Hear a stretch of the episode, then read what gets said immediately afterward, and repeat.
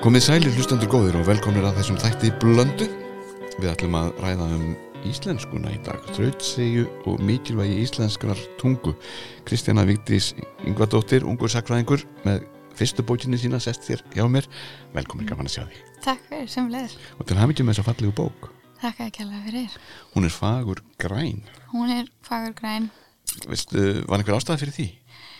Um, nei, í rauninni ekki. Nei. Mér er bara græn mjög fallegu litur. Og, hérna, og fannst það var mjög hrifina að því að þeir væri til í að hafa hana græna. Já, þetta var sem þetta runnuð undan þínum rifjum.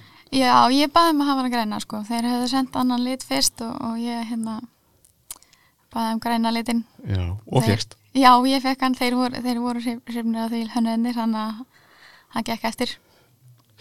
Og enn og aftur til hafmyggju. Þotn og eð finnast saman á kápunni. Já, Uh, svolítið kennimark íslenskrar tungu já, uh, þóttn eð og ö. Já, hérna, öða líka, ég má ekki gleyma það. Já. Þeir hérna, þeir vildu leika sér svolítið með og var að pæli í hérna trautseini og, Mm. og hvað er sérstakt við íslensku og svona og þá hérna komu þessi stafir upp og, og já, er bara mjög flott sko, Já, að mér finnst. Kemur skemmtilega út. Já, og sérstaklega þegar að fólk fer að lesa og kannski skilja nákvæmna takmyndina á kápunni. Já, einmitt, er. En uh, þetta er fyrsta bókið þín. Já, og, og hvað var til þess að þú ákvæmst að fara á stað og, og búa til þetta mikla verk? Sko, ég hérna, þetta byggir á björigerð Já, hjá mér. trúi því hver sem vill. 300 og eitthvað síður með öllu. 320 blasjur en Já. það hérna, já eins og segjum byggjur á björgerð uh, og björgerðin er í rauninni tæplega helmingu bókarinnar í dag. Já, en ég bætti samt svolítið við um, það efni augljóslega. Um, ég skrifaði hjá Hrefnu Róbersdóttur og Ragnæði Kristjánsdóttur. Og Hrefna náttúrulega er þekkjur mikið til bókaútgáðu og hérna hvatti mér svolítið til þess að sækja um að gefa björgerna út sem uh, smárit. Já, hjá sögufélagi. Hjá sögufélagi. Og ég gerði það og, og, og fekk ég ákvæmt svar og þau vildi eh, gefa út bókina mína. Og svo, og ég hafði svona hugmyndur um að ég hafði sko í björikirni hafði ég rannsaka átjöndöldina og, og svona svolítið dönsk áhrif uh, fyrir, fyrir það. Og mér langaði til að bæta við nýtjöndöld rannsókn sérst, breyfaransókn á nýtjöndöld og svo svona svolítið hugleðingum með pælingum um, um nútíman og ennskuna í dag Já, og þetta var bara miklu meira heldur en ég lagði upp með til að byrja með og, og og hefði ekki orðið meira kannski já, alveg örglega Já, sko. það ekki. ég, það er aldrei vandamál hjá mér að skrifa texta og ég skrifa ég vill alltaf mikið þannig Mm. að hérna, ég ég blessunulega fekk að halda öllu efninni inni og, og út er komin þessi bók sem er held ég bara ágætt Já, og, bara virkilega áhugaverð og, og e, hún er líka sönnu þess að sko, sagan og sagfræðin snýst oft um alls konar. E, Já. hérna, er við, hérna, það er þetta fólk alltaf sem kemur við sögu en þarna ertu með, með tungumáli sem eiginlega þungamiðju allavega í titli bókarinnar og Já. hún er, hún er rauð, íslenskan er rauði þráðurinn í gegnum bókina. Já, og uh, þraut segja hennar og, og þraut segja kannski Íslendinga viðhaldenni og mm var svona svona þættir sem að valda því að við tölum þó íslensku ennþá í dag þó að það sé fjöldi fólk sem er alveg bara á nálum yfir því að íslenskan sé nú bara við það að þurkast út. Já, það er hérna það er búið að vera svolítið mikið umræðinu núna og, og bara síðustu ár og bara, já ég veit ekki síðan ég man eftir mér, þá að vera að tala um ennsku slettur og, og dönsku og slettu dönsku slettur, já, sem Já. núna já, en ég sá einmitt um daginn þá hafði skrifað einhverjum á Facebook það er nú svona upprunni margra skemmtilega hluta mm, að það sakna dönsku slettana það verður bara eiginlega hortnar Já, ég held samt, ég sá líka einhverja fréttin daginn um, það sem að vera að tala um, það er náttúrulega mikið að dönskurslættum í dag sérst, frá, frá 18. 19. öld sem er bara hluta tungumálun okkar Já. í dag sko. þannig að það er örgulega helling sem við vitum, en ég veit kannski ekki að sé sérstaklega frá dönsku sko. þannig að og svo er þetta náskild tungumál í grunninn Já, þetta, ja, þetta er norrannan gamla og, og við náttúrulega sko við þróum málið miklu hægar heldur en daninir, daninir fara meira í áttina þýskunni og Já. þá er höldum við þessu hérna þessari gömlu eða svona gömlu norrænu. Já, og sem að var tungumál eh, notað við að skrá ímsar heimildir á, Mhm. á snemma miðaldum. Já, Getur verið að það sé hluti þess sem að uh, gerir það að verkum að við getum talað íslensku ennþá í dag?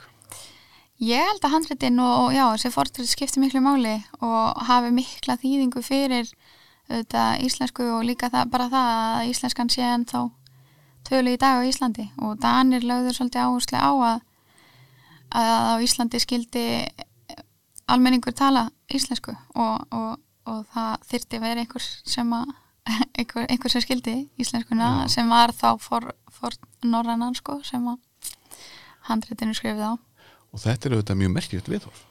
Er það ekki? Svona í, í heimsögulegu samhengi. Jú, við horfum á önnur tungumál sem að jámvel viða voru bönnuð, sérstaklega þegar þjóðríkja myndinu var á 18. 17. 18. 19. öld Já, að þá var oft barna, barnar niður bara tilrauninni til að viðhalda fornum tungumálum sem að kannski tiltölu að fáur töluð mhm og ég mist dæmi um það í, í Evrópu. Já, til dæmis uh, þetta Breitland, Skotland og England og enskan þar, þar um, kviknaði svolítið hugmyndina að, að þessari rannsókn hjá mér að hérna ég var í námsverð í Edinborg og þar töluðum við, við skoskan hérna Þingmann sem hefur geliskunna móðurmáli og, og svona hefur svolítið barist fyrir því að, að þeir fá að nota geliskunna aftur í dag. En þá eh, var hann að tala um og benti, benti mér á að, að börn voru bara bókstælega barinn eh, fyrir það að tala gilisku þá átti bara að þau áttu bara að nota enskuna. Og þá fór ég að pæli af hverju við notum ekki dönsku á Íslandi. Og alveg svo í um, svo getur við talað um frönsku héruðin þar sem að öllum var bara gert að tala frönsku þegar þeir voru saminu þannig að jú, ég held að þetta sé frekar sérstakt að við vorum náttúrulega undir dan, dansk, danska konusríkinu eða innan, innan þess og, og, og fáum að nota íslensku Hvað með þá hinar hjálendunar færiðar á þessu, þessu svæði, færiðar og grænland? Var sama upp á tenninu þar eða var, var danskan eh, hæra skrifuð og meira, lagt, meira lög- áhersla lögð á hana? Já, Þar?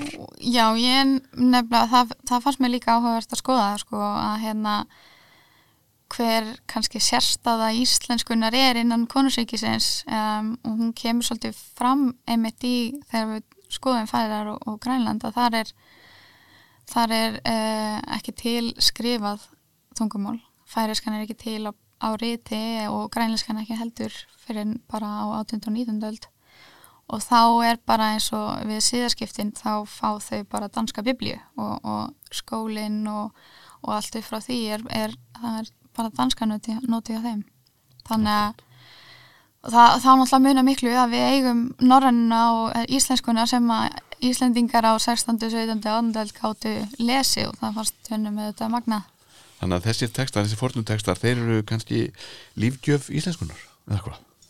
Er það þín niðurstaða?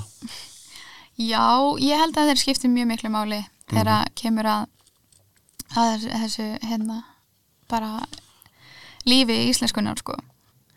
Já, og íslenskan, hún hefur lifað af ýmsar remmingar Já, og, og meiri segja það að vera undir, undir dönskum yfirráðum sem að ég heyri á þér er bara daldið sérstakt. Þetta lifði já. bæði færiskan og grænlenskan af. Já, já, já, algjörlega. Og, og, og þeir, það er kannski einhver svona þraut segja Mhm, Já, sem að veldur því líka, svona svipa á hjá okkur Íslandingum mhm, en uh, þessi, þú nefndir Edinborg, þú varst þar í, í skólaferðalagi með Háskóla Íslands mm -hmm. og heimsóttir þingið já, þetta glæsilega þinghús rosafallet já, mjög fallegt og það er svo hlýlegt. Já, sástu, svo við nú aðeins bara út fyrir dag sko, Kristína, já. Sástu fórstu, fjækst að skoða skrifstofu þingmanna? Um, Nei, við fórum inn í semst bara þingsal Já. sem var mjög flottur og stór og, og mjög gaman að vera inn í og svo vorum við inn í svona einhverju umræði herbyggi eitthvað sliðið, sátum við ringborð með þingmanninum sem var mjög gaman en ég, nei, ég skra, sá ekki skrifstofunar það er einmitt mjög merkilegu hlutur. Það er Ok. svona slökunar gluggi sem er byggður út úr húsinu. Það myndar svona, svona, egg, er svona egglaga. Og þar ég hef prófað að fara það? maður sest ángað inn já, og það er einhvern veginn algjör þögn. Ok. Það er einhvern veginn svo vel hannað. Mm. það er gríðarlega vel hannað hús. Já, og uh, þetta, þetta er fyrir þingmennar til að slaka á svo það geti, geti svona unnið pældi. betur yfir já, já, þetta er mjög sniðut það gott hjá þeim. Já, og, en, en skotar eru náttúrulega svipaðir Íslendingar að þessu leiti, Íslendingum að þessu leiti að þeir, Mm. það er ákveðin svona þessi sjálfstæðishugur sem er alltaf verið í þeim, þeir eru hluti af ennþá samt af stærri heild Mhm. og vilja líka vera hluti af ennþá stærri heild, þeir vilja vera í Európusambandinu, já það einmitt, en, en gelískan svo hana, hún hefur Mhm.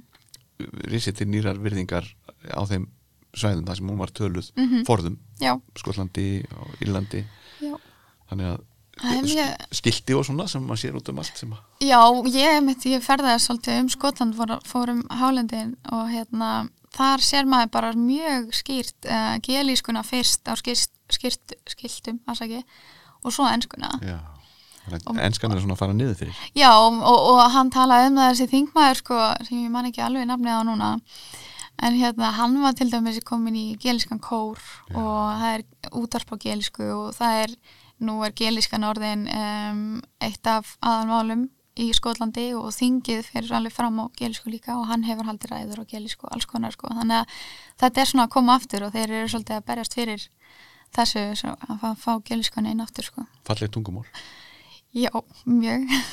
Og íll skiljanlegt. Já, ég bara skilja ekkert í því. En, en, en ég bara, ég hef mjög mikið áhuga á tungumálum og hef, hef alltaf verið hérna, fundist ótrúlega magnað að- að heyra einhvern annan tala okkur í tungumál sem ég skil ekki neitt. Mhm. og svo er náttúrulega gaman að læra þau líka.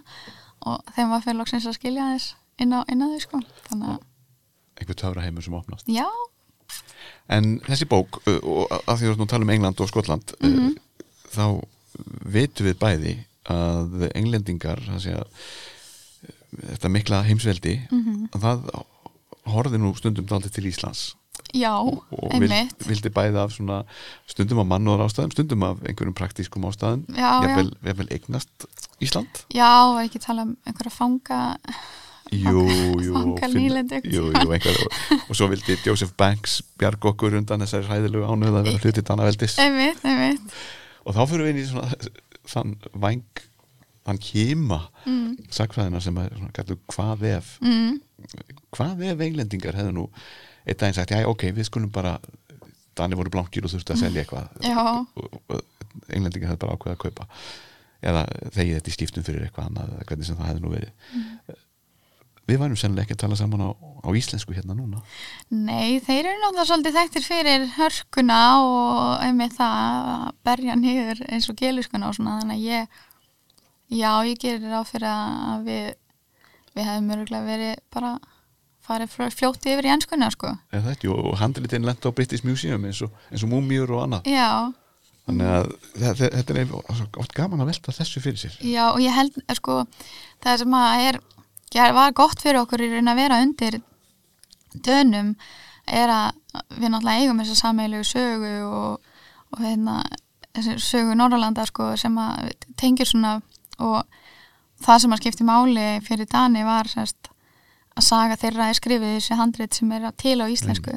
Og þess vegna leggja þeir áherslu á að það þurfa að varvita íslenskuna og, og, og íslenskan er svolítið mikilvæg fyrir þá og þeir virða hana. Og, og síðar fyrir þjóðurnismyndun og þá nota þeir líka handritin eða sérst þessa sögur náttúrulega fyrir sig.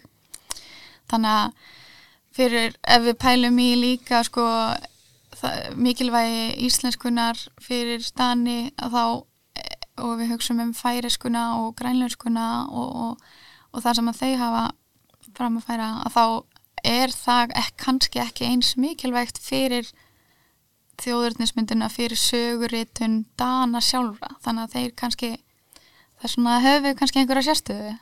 Það er einhvern smá eigingirni í þessu hjá þeim.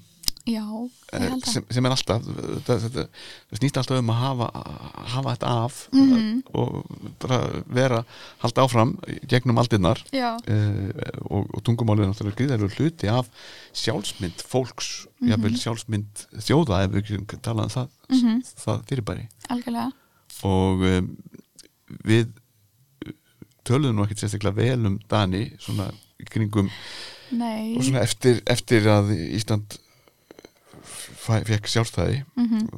og alltaf svona frekar illa að tala um dönsku og, og danina en mér heyrist á þér að það, sé nú kannski að náttúrulega bara þakka fyrir að fyrst við þurftum að vera hjálenda einhvers að vera þá hjálenda dana. Já, mér finnst það sko þetta er svona þessi sögurskoðun sem að er svona svolítið ríkjandi á, Já. á 20-stöldinni Já, að Danir hafi komið svo illa fram við okkur og, og við verið bara umulegir og, og, og hérna maðkaða mjölið og það. Maðkaða mjölið og allt það. Ég, ég alveg verið að tala við fólk í dag og sem að kannski þekkir, ég veit ekki söguna eins vel og ég, og ég kannski geri um, að því ég er búin að rannsaka þetta og vera að skoða þetta að þá er allir alveg sko, mjög staðfastir á því að nei, Danir voru sko komið illa fram við okkur og þeir voru ég, Kúarar já, einmitt.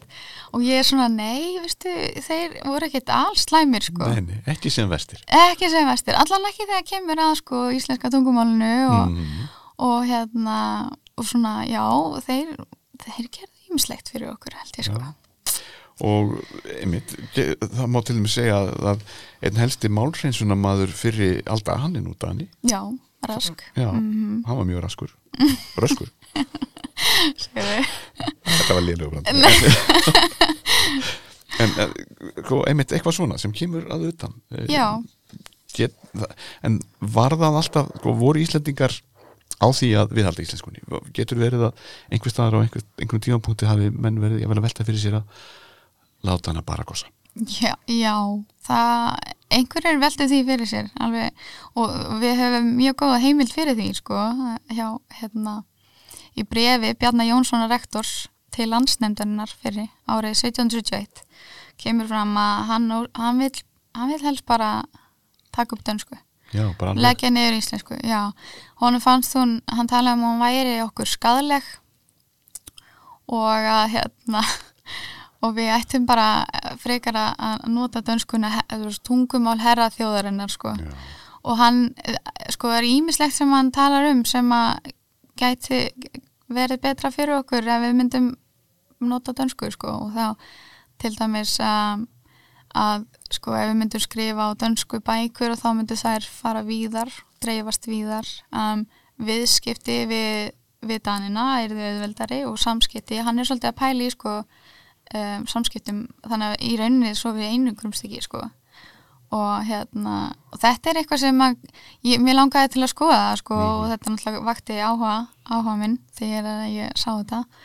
Og hérna og ég var svona svolítið að spá sko hvort að hvort að það hafi verið fleiri sem að hafi verið þessari skoðuna þetta kemur svo rosalega skýrt fram hjá honum að því að hann skrifar þetta bref og þetta til landsnefndarinnar og þá er það til ok, fyrir þetta fyrir stjórn stjórn í Danmarku og, og enginn er í land þannig að það máli búist að fleiri hafi verið með. Já, einmitt, en sko ég held að það hafi ekkit verið svona margir. Nei, að því að á átundöld eru heimildir fyrir því að sko þetta var alveg eitthvað eitthvað, eitthvað sem var talað um sko. Mm. Egert Ólásson er, að- er að tala um þetta í ferðabókinni sinni og víðar og hérna Magnús Ketilsson síslemaður hann hérna skrifa grein á dönsku í fyrsta íslenska tímaritinu sem hann gaf út og, og, og það var þá dönsku. En það var þá sko að hann var að kynna íslensk og íslensk málefni fyrir dönum. Þannig að þá er það bara út á tengslanum við Danmarku sem hann skrifar þetta á dönsku.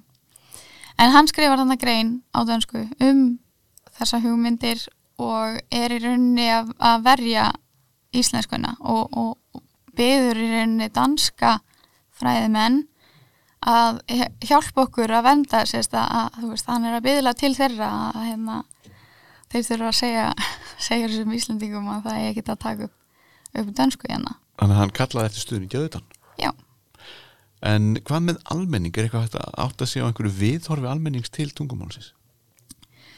sko ég almenningu náttúrulega hann talaði bara íslensku og það var svolítið lagt áherslu á að það ætti, hann ætti að geta tjá- tala bara íslensku og þeir svolítið þegar ég, eins og ég fór að skoða sko dönsku áhrif á átundöld og nýtjandu og þá er það svolítið ljóst að á átundöld er almenningu bara íslensku mælandi og hann er ekkert að læra dönsku og hann, þú veist, þeir, það er þá fólk sem að þá erum við að tala um fólk sem að fer ekki í latínuskóla eða í nám uh, erlendis Mm -hmm. sem er þá helst bara kaupmannöfn um, og það eru þetta stærstu hluti fólks? Já, já, þannig að í, í rauninni sko því ég skoða dönsk áhrif átundöld og við erum að skoða til dæmis um, ég er að skoða tungumálunótkunnin á stjórnsýslunar og ég er að skoða um, já, bara hver er notu, hver er not, danska notuð og, og, og hver er nota hana og svo förum við, út í málreinsun og, og Mhm. þú veist hvaða er, hvaða er sem að um, hvað, hverjir er að leggja áslá á íslensku og svona og hérna, og þá er þetta svolítið, það er svolítið augljóst að það er rauninu bara elitan og sérst, þessi embættismenn sem að, og mentamenn sem að hafa einhverja reynslu af dönsku eða það kunna dönsku sem Mhm. að eru, þeir koma með máli til Íslands, nota máli blanda íslenskunni og dönskunni saman og svona. Og svo er það þeir sjálfur líka sem að reyna að reynsa íslenskuna dönskun slettum sko Já. og þetta fer ekkert niður skilur, Nei. þetta er bara þetta fer ekki niður inn í samfélagi nei, og almenningur það er alltaf lagt áherslu á sko, almenningur eigi að, kunna og tala íslensku. Já, og það eru setta reglugerðin eins og fyrir því að á hérna miðja átundöld þá er, er verið að setja reglugerðir um, þess efnis að, að, að fyrir dómi eða finnst, í hérastómi að þá eigi Íslendingar að geta uh, notað íslensku og að hérna það er verið að reyna að gefa út lög því að norsku lögin yfir á íslensku að því almenningur þarf að skilja lögin og það er verið að reyna að setja reglur um það að, að síslumenn lesi upp uh, tilskipanir og fleira sem kemur frá Danmörku á dönsku en þeir eigi að lesa það á íslensku og hérna þannig að maður sé svolítið að sko stjórnmjöldur hafi verið að setja þessi lög og þessar reglugerir og hafi verið að skipa svolítið fyrir að, að það þurfi að vera íslenska mm. en svo er það svolítið svona embætsmanna að að fara eftir þessu og þeir kannski gera það ekki. Misvel.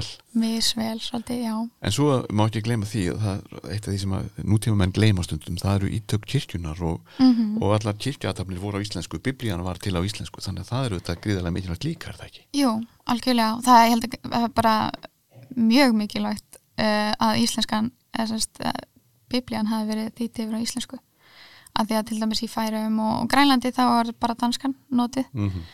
og við fáum íslenska biblíu og það er bara frá uppafi frá síðaskiptunum er bara lögt, lögt áhersla á, á að íslenska sem móðumálið og það skildi notað og barnafræðislan fer fram á íslensku uh, og er náttúrulega prestarnir sem að hafa yfirnum með henni þannig að já, það er, það er svona svolítið lögð áhersla að Já. íslenska sé notið sko. og dómar uh, og, og úrskurði síslumann og slíkt, þetta er yfirleitt á íslensku líka. Mm þannig að íslenskan er greinlega mjög ráðandi hérna, þannig að það er eins og danskan sé í rauninni ekkert að allavega einhvernum krafti að tróða sér inn í samfélagið eða þessi dansku áhrif. Nei, einmitt, maður sér sko uh, ég einmitt var að reyna að skoða sko hver eru dönsku áhrifin innan kirkjunar eða sérst hjá kirkjunamönnum þar er náttúrulega voða lítið þar náttúrulega það eru dönsku slettur og svona og, og hérna biblíunar eru kannski svolítið dönsku skotnar og svona og það er alltaf að vera að gaggrína það þegar við förum svo lengra inn í málhreinsun og svona. Og en annars er, er náttúrulega bara íslenska það skiptir alveg máli að það er íslenska sem á, á að vera þar sko. mm svo skoðu við kannski verslunina þar sem eru kaupmenn á Íslandi danski kaupmenn af því að náttúrulega út af einaguninni og þeir náttúrulega nota dönsku þeir náttúrulega bera kannski svolítið með sér þessi dönsku áhrif Mhm. ef að um það sko og komið svona erlendar vörur sem heita alls konar ókennilegum nöfnum jável að því að það, það, þú gafst keift alls konar í einhverjum umbúðum á þessum tíma sem Já. að hétt eitthvað allt annað heldur en eitthvað íslenskt Já, og maður ímynda sér alveg að þú veist, almenningur er að tala við kaupmennina og, og, og þeir, eh, sko, að að það eru einhverju heimildur um að, að þú veist, þeir hafi reynda læra eitthvað aðeins inn á íslensku en, en veist, maður veit náttúrulega ekki alveg hvernig þessi samskipti fóru fram en, en það hljóta að vera ein, einhver áhrif og svo náttúrulega eru þeir kannski betur til fara eða sem sagt, þannig er í dönskum klæðum og, og þeir eru svona aðeins öðru sér standa alveg út að, og eru þá í rauninni hluti af þessari æðri stjætt kannski á Íslandi. Þessu sem tala um sem elítu aðan. Já, já, einmitt og, og, en þrátt fyrir þetta allt saman eh, og þó það smigluðust nokkur og laumuðust dönsk orð inn í íslenskuna og fjöldi orða sem við notum í dag og finnst bara að vera ram íslensk Mhm. eiga sér nú kannski annan uppruna. Já, uh, Íslenskan dó ekki þrátt fyrir það. Nei. Hún liði þetta af, Hún- þrautsegan gamla. Já, hún liði þetta og ég, hérna og mér, mér fannst það sko það sem að eins og það í rannsókninni það, sem- í breyfaransókninni það sem að ég var að skoða átjöndöld það var svo ljóst, augljóst sko að íslenskan var notið og það voru eh, menn danskir og svo íslenskir sem að notið reyndar alltaf danskuna þó, þó íslenski væri og væri skrifað til íslendinga. En það er líka kannski bara hluta starfinu þeirra þeir þeir þurfa að skrifa svo mikið til stjórnvalda líka. En það er bara en nánast allt í héræði virðist vera á íslensku. Mm. og ef það eru síslumennir fara að skrifa eða þeir skrifa rosalega mikið á íslensku átundöld og hérna og það, og það, veginn, það komur svolítið óvart hvað var mikil íslensku nótkun sko. Veginn ef við förum svo aftur í, í hugmyndina Spjarnar Jónssonar sko og förum að pæli hvort að það hefði til dæmis verið bara auðvelt að skipta yfir í dönsku að því að það var hvort sér svo mikið um dönsku að þá er það ekkert staðan sko. Þannig að En getur verið að það að hér ekki, var ekki mikið um þéttbíli kann það að vera áhrifavaldur líka? Mm, já, alveg öruglega að því að sko við sjáum náttúrulega miklu meiri dönsku í kaupstofunum þar sem að er aðeins meira þéttbíli, kannski ekki þéttbíli eins og við sjáum það fyrir okkur í dag. En hérna og Reykjavík er talað um dönsku áhrif og hérna já, nú mikið gaggrínt uh, sko hvernig málnótkunin var þar í bæ og, og þegar svona fyrir að líða nýtundöldinni og upp af nýtundöldar þá er, þá er þetta dönsk borg og dönsk menning og dönsku blendingur allstaðar og eitthvað hana, En samt lifði íslenskan af já, þetta er náttúrulega magnað sko Já, hún er ótrúleg já, og hún þurfti ekki einu sinni að naga eftir fótinn Mhm, heldur, eldist hún bara alltaf og styrtist já, já, það náttúrulega er það sem að skipta miklu máli er að það eru bæði náttúrulega eins og uh, skýrask en, líka undan um, eins og 18. 17. öld þá Ekkert Ólusson um, Átni Magnússon, uh, Argrumi Lærði fleiri, þeir, þeir eru að leggja áherslu á að skrifa sem hreinust í íslensku og þá er þá förum við út í mál, málhreinsun og það er verið að hérna, stunda nýjir eða smíð og þú veist það er rosalega mikil áhersla á íslenskuna. Og þetta er einhver á, kannski eh, kemur frá Danmörku eins og svo margt á þessum tíma þá koma hérna ströymar og stefnur í gegnum Danmörku og þessar mentamenn sem fóru út og komu svo aftur heim. Og þeir leggja bara mikla áherslu á íslensku og skáldinn, og skáldin, emitt, já. Sérstaklega kannski svona þegar fyrir að líða á 19. öldina já, emitt, það var kannski, jú, jú, þetta var alltaf til skáldskapur en, en það var þetta var mjög ábyrjandi 19. öld mm, já, nýtundöldin er svolítið, skemmtileg sko, að því það það náttúrulega er mikil áherslu á íslensku og við veitum að Jón Sigursson og, og fjölinsmenn og fleiri var náttúrulega að vera að leggja mikla áherslu á íslensku romantíkin ber þetta með sér að hérna og þá er svolítið svona um, þá eru fordreitin og handreitin og fyrnskan í málinu. Þetta er svolítið svona að vera að halda upp á þetta. Og eitthvað sem er að gerast kannski að, að minnskostu út um alla Evrópu það er svona verið að draga fram einhverja svona einhverja fortíð svona romantíska stefnan og, já, já, fortíða sko. Og upplýsingin kannski í, í bland. Já, algjörlega, náttúrulega hluti, mjög stór hluti af upplýsingunum var að gera efni aðgengilegt á íslensku fyrir fólk til þess að það geti uppfræðst svo sjálft og þá er eins og íslenska uh, íslensku tímaritin sem er að byrja þá í lók uh, og, og fræðafjölög og hérna lestrafjölög og fleira. Og það er mikil áherslu að lögða að gera efni aðgengilegt á íslensku. Og það er þá er verið að gefa út annað en, en kirkjuritin og handritin. Þá er verið að gera út fræðslefni og fleira. Og þar eru það náttúrulega skiptir gríðlega miklu máli. Og þetta er eitthvað sem er svo lesið, almenningu les og, og, og skrifar upp og skrifar upp, já, alveg þeir sem gátu Mhm. en uh, svo verður þetta í kjölfara þessara byltinga í lok uh, 18. aldar og upphafi þeirra 19. út um allan heiminn í rauninni Mhm. að þá fer líka að vera svona þetta til þetta hugtak þjóð þjóð þarf þá að eiga eitthvað sem er sameilegt sem er þá einhvers konar menning og, og tungumál Mhm. og, og það slítur þá að ebla líka veg og, íslenskunar ekki Jú, og þá er náttúrulega þá er bara íslenskan að vopnið hjá Íslendingunum eins og það er verið að tala um að íslenska sé vopni sjálfstæðarspartinu sko.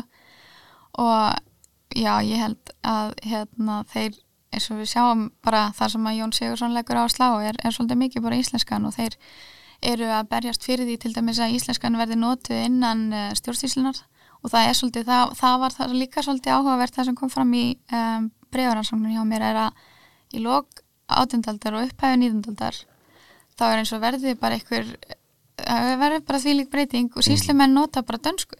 Já, og það er bara, það er bara, maður sér það er eiginlega allt á dönsku. Og það er alveg í súluritum þá er eiginlega bara 99% 100% danska í þessum breyfum sem ég er að skoða. Á frá sko, síslumennur sem að skrifuðu átundald bara á íslensku. Og þá á þessum tíma eru, eru svist uh, þá er lögð áherslu á að, að vera að berjast fyrir því að íslenskan veri notið innan stjórnsíslunar og þá er hérna brefarskriftamálið það var svolítið lagt fyrir eftir að alþengi var endurist mm að þá er það lagt fyrir og þá er krafan sko, það er Jón Sigursson sem að e, meðal annars fyrir fyrir því að þá er krafan um að, að embætsmenn skildi nota íslensku. Að því að þá er svo mikil áhersla á íslensku bara í hjá þeim sko og þeir náttúrulega rosalega mikið að greinum sem þeir skrifa í, í tímaritin sín og, og leggja áhersla á, á þetta. Og hérna þeir reyndar krefjast þess að á Íslandi skildi notuð bara íslenska og líka í samskipti við stjórnveld þannig að þeir vildu að sko danski stjórnmálmenn vildu nota íslenskuna líka. Já bara veskú já, bara Notið íslensku. Já, Þannig að dansku stjórnendur. Og þetta verður náttúrulega ekki þeir eru ekki hrifnaðið þessu sko þá, það. þá fer þýðingabyrðin yfir, yfir á þá sko. En Íslendingar hljóta hafa verið stundum svolítið erfiðir. Já, ég held að vera þannig. já, þegar maður hugsa um það eins og þú færir kannski þetta yfir á daginn í dag við myndum við krefja þjóður í dag um að tala bara íslensku við okkur. Bara Já. nei, við ætlum að tala íslensku þið þurfum að tala íslensku við okkur. Já, halló, íslenskan sko. Enga frönska eða ennsku neitt Nei. bara að tala íslensku. Já, en, en já, þetta er náttúrulega við, við erum ekki alveg eh, kannski þar Nei, en, en það er alveg, já, rosalega mikil áhersla á íslensku á, á þessum tíma, rómatíkin og allt þetta sem ber, ber það með sér, sko. og er líka kannski eins og saðir þetta er í vopnabúrinu Mm þetta sérstakka tungumál og, og aðgreinir Íslendinga frá öllum öðrum mhm. Já, já. Lítur undir það hugmynd að við séum þá einhvers konar þjóð Já, ég meina það hlýtur að vera eitthvað ástæð fyrir að þeir leggja svona mikla áherslu á íslenskuna. Þeir vita alveg til dæmis að, að Danir kunna meta íslenskuna og, og eða þú veist, Dani og, og Rask er þannig að leggur mikla áherslu á íslensku. Það eru fleiri í Danmörku og ég veit að til dæmis Auður Haugstóttur hefur rannsakað mikið þennan tengsl tungumálana og, og samskiptina á milli og hún leggur mikla áherslu á uh, mikilvæg íslenskuna fyrir þjóðurnismyndum Dana svo á 19. þannig að ef íslenskan er mikilvæg fyrir Dani þá lítur hún að vera rosalega mikilvæg og merkileg fyrir Íslendingarna og það er svona að nota þér hana líka. Og þá komum við aftur að þessu að því að við vitum til dæmis að Íslendingar samtímas hafa margir hverjir gríðarlega miklar og, og, og sterkar skoðanir á tungumálinu Já, Eh, það er kannski vegna þess að við höfum nú meiri tíma til að vera að vetta okkur upp úr einhverju svona þurfum, ekki, þurfum að hafa minna fyrir bröðstritinu já, já uh, en eh, kem ég þá aftur á almenningi er má eitthvað sjá þessa kröfu hjá einhverjum fulltrúum almennings, einhverju fólki sem er að skrifa skoðan einhverja dagbækur eða Já, Eða það sé slíkt. íslenskan Já. sko, það fannst mér nefnilega svolítið skemmtilegt við 19. er að sko það er, þetta eru embætsmenn og mentamenn sem eru að leggja þessa gríðarlegu áherslu á íslenskuna og, og við sjáum hérna þessa kröfu á alþingi og, og það er bara á að nota bara íslensku. Og á þessum tíma eru dönskrit og danska bækur að vera aðgengilegri til dæmis með lestrafjölunum og svona. Og almenningur er að sækja meira í fræðefni sem er náttúrulega ekki til allt á íslensku.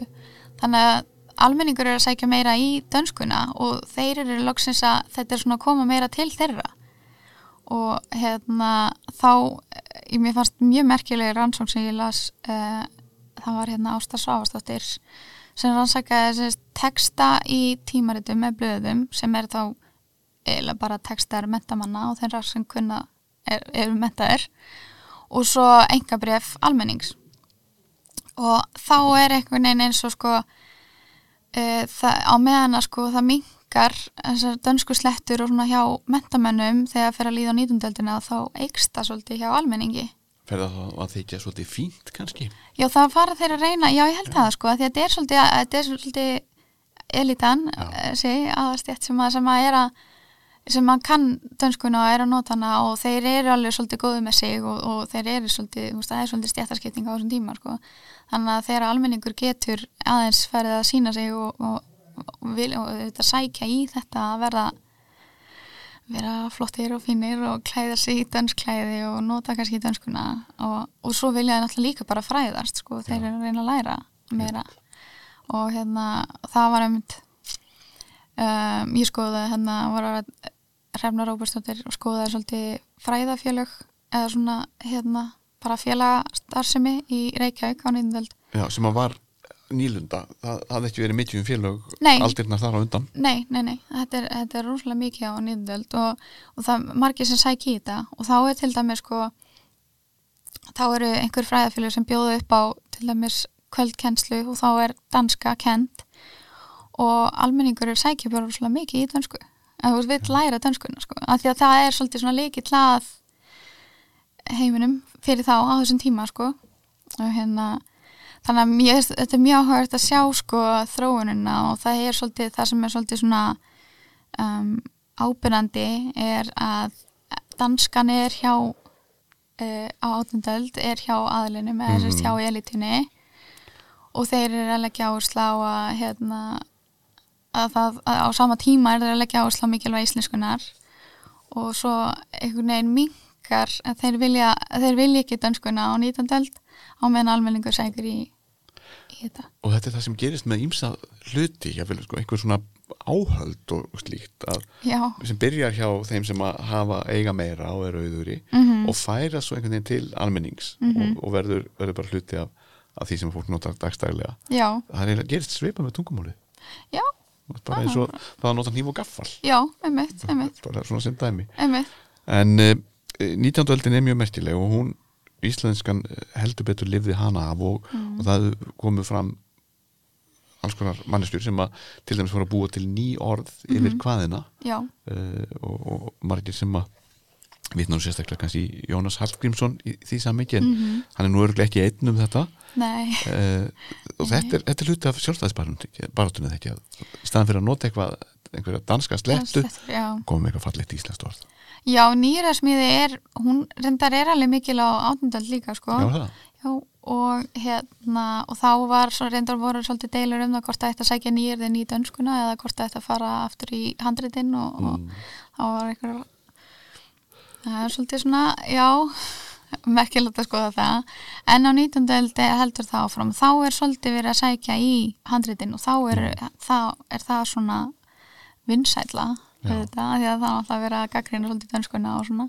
og búið til einhver hljómfögur orð mm Mhm. jafnvel að setja saman orð úr tveimur eða þremur jafnvel Já, já. og, og Og þetta skiptir mjög miklu máli sko, þessi nýjara smíða því að það var líka eitt af því sem að e, Bjarni Jónsson til dæmis kvartaði undan hann þegar hann laði til að eftir að taka upp dönsku að, að það væri ekki til orð á íslensku fyrir einmitt ný vísindi og, Mhm. og svona þannig að í staðin fyrir að taka upp dönskuna þá leggja þér svo meiri áherslu á bara nýjaraðsmiðina og þannig að íslenska tungumáli verði í stakkbúi til þess vel í stakkbúi til þess að að taka móti nýjum vísindum og svona. Þannig að fólk geti skilið vísindin á íslensku. Mm Já, og þessu var vel tekið, það var langt fram eftir 20. öld, þá voru og ég vil ennþá í dag er, er fullt af fólki bara í fullu starfi við það að finna nýja orða því heimunni mm. síbreytilegur? Já, einmitt. Og það er mjög skemmtilegt. Já, gott, Mér finnst það mjög mikilvægur hluti af, af, af því að íslenskan verður að halda áfram að þróast og, og eins og, hún gerir það að vera hægt að, hægt að nota íslenskuna um, um mörg mál uh, og efni sem að eru ný og það er kannski það sem er svolítið um, það er svolítið vandamál kannski í dag að það er svo oft verið að nota ennskorð yfir eitthvað sem að mm. Sem er, er kannski til á íslensku en, en hefur ekki komist náðu vel inn í, inn í málið, ég veit það ekki. En annarkort festast orðið ekki og Mhm. við notum hverstags orð eins og sími og tölva og rafmagn og Mhm. þota og þyrla. Þetta er Já. allt saman hlutir sem að reynvel að heita það saman ánast út um allan heim. Já, já, en á Íslandi heitir þetta eitthvað allt allt annað. Mm sem er svolítið skemmtilegt. Mjög skemmtilegt. Mm. og þetta eru falleg orð. Já, nefnilega, og mjög lýsandi oft. Já, algjörlega. Bara, við held að við höfum gert vel í þessu sko, já, og við getum örgulega haldið því áfram. Alveg röglega en uh, þá er það kannski samtímin og, og framtíðin Mm. því að sagan er náttúrulega alltaf að gerast alla daga og íslenskan er ennþá að, að rembast við að vera þraut sig og, og hún er uh, mikilvæg. Mm og, og hún er falleg og hún er skemmtileg. Og það er til orðið yfir allt á íslensku ef maður vill. Já. En nú hafa mjög margir áhyggjur af þessum ennsku áhrifum. Mm kannski höfuð óvinnurinn innan jæsalappa er kannski orðin alþjóða tungumóla enska Já, þú skoðar þetta eitthvað líka að setja þetta svona í samhengi já, já. Um, mér fannst bara svo gaman að hérna að því, eða kannski ekki gaman en, en mér varst áhugavert að skoða því ég var að skoða átjöndöldina á dönsku áhrifin og, og allar þess að gaggrinni á dönsku slettundar og, og svona að mér, ég bara einhvern veginn þetta myndi mér svo á nútíman og Já. bara mitt líf og þú veist, ennsku slettur í dag og hérna hana, og, og í rauninni eins og þegar við tölum um uh, rökin sem að Bjarni setur fyrir því að við erum að taka upp dönsku og er að kvarta undan því sem að er vantar upp á íslenskuna að það er svo það er í rauninni ennþá vandamál í dag oft mikið af þessu sem að hann talar um sko eins og, eins og það núna eru um, það eru fræðumenn til dæmis sem skrifa svolítið mikið á ennsku að því að þá fara ferða víðar og, Mm. og það er ekki verið að þýða allt yfir á íslensku og samskiptamál alþjóða samfélagsins já, stjórnmálunum í, í heimsmálunum. Já, já er finnst eða franska? Já, umveitt og það er náttúrulega og það er kannski það sem að já, eða þú veist, á 19. öldinni verður er svona svolítið þessi sigur íslenskunar það er svolítið augljóst að við notum við eigum að nota íslensku á Íslandi.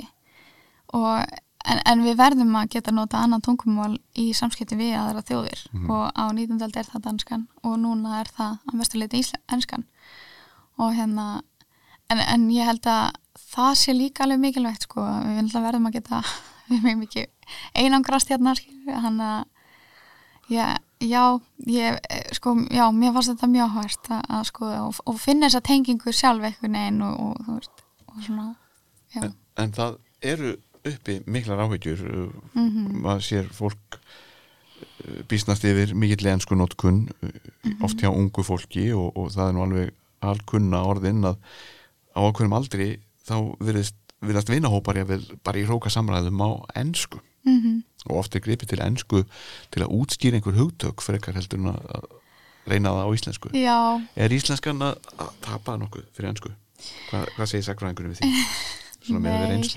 Mér finnst það ekki, sko. Mér finnst einhvern veginn eins og það komu upp hugmyndir uh, á 20. öld og ja, í kringum 20, uh, aldamótin 2000 að þá er eitthvað verið að pæli til dæmis hvað íslenskan, hvað kostar okkur að tala íslensku og, og svona og að, að, að er verið að pæla svolítið í þessu að því að ennskan er, er hættuleg og hérna það er einhvern veginn alltaf niðurstaðan að nei, íslenskan sé svo merkileg hún er, hún er svo er þjóðar dýrgripur sko, Mm. sem við verðum að varvita þannig að ég, mér finnst það svo ábyrrandi og í allir þessu umræðu og fólk tekur svolítið mikið undir það þegar maður fer að tala um þetta að við verðum að uh, bjarga íslenskunni og haldinni lifandi.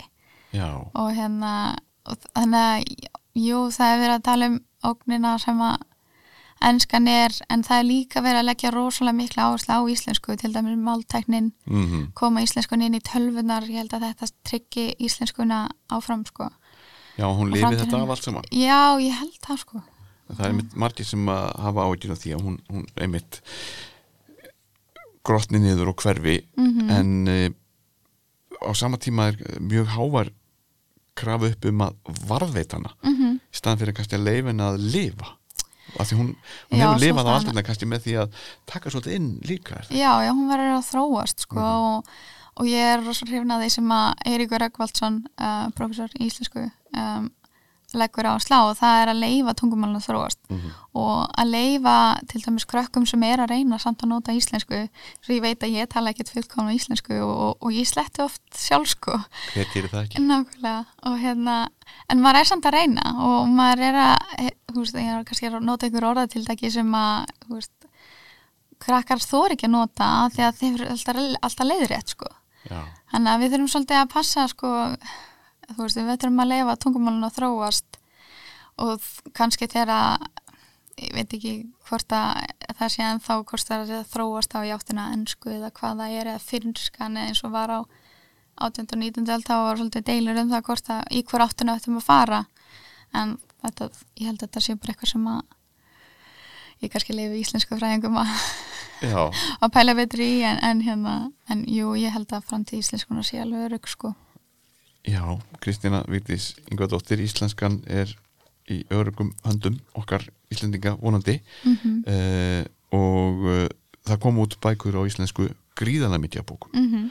og við kvöllum okkur bókaþjóðina og fólk gefur bækur í, í jóla og amalistjafir og, Mhm. og það er kannski hluti af þessu líka að það fór að koma út bækur Já. eh, prentaða bækur á íslensku Já, og hafa gert og, og erlend jável reyfarar barnabækur þýttar að snúið yfir á íslensku. Einmitt, stann fyrir að fólk geta bara á frummálun og segja, já, reyndu nú að lesa þetta. Menn voru með sig að vanda sig við þetta. Já, algjörlega. Og þetta er, þetta er náttúrulega bara ótrúlega merkilegt og, og magnað að, að hvaða var mikil áhersla á þetta sko. Og að eins og 19. öldin þá byrjar svolítið mikil tímarita útgafa og það er verið að gefa út mikið bókum og, og þetta er svona já, það er svona jákvæðni í og fjöldin allir af erlendum Ritum, já, mhm. og jável fræðiritum sem er snúið á íslensku. Já, og gert bara býsna vel.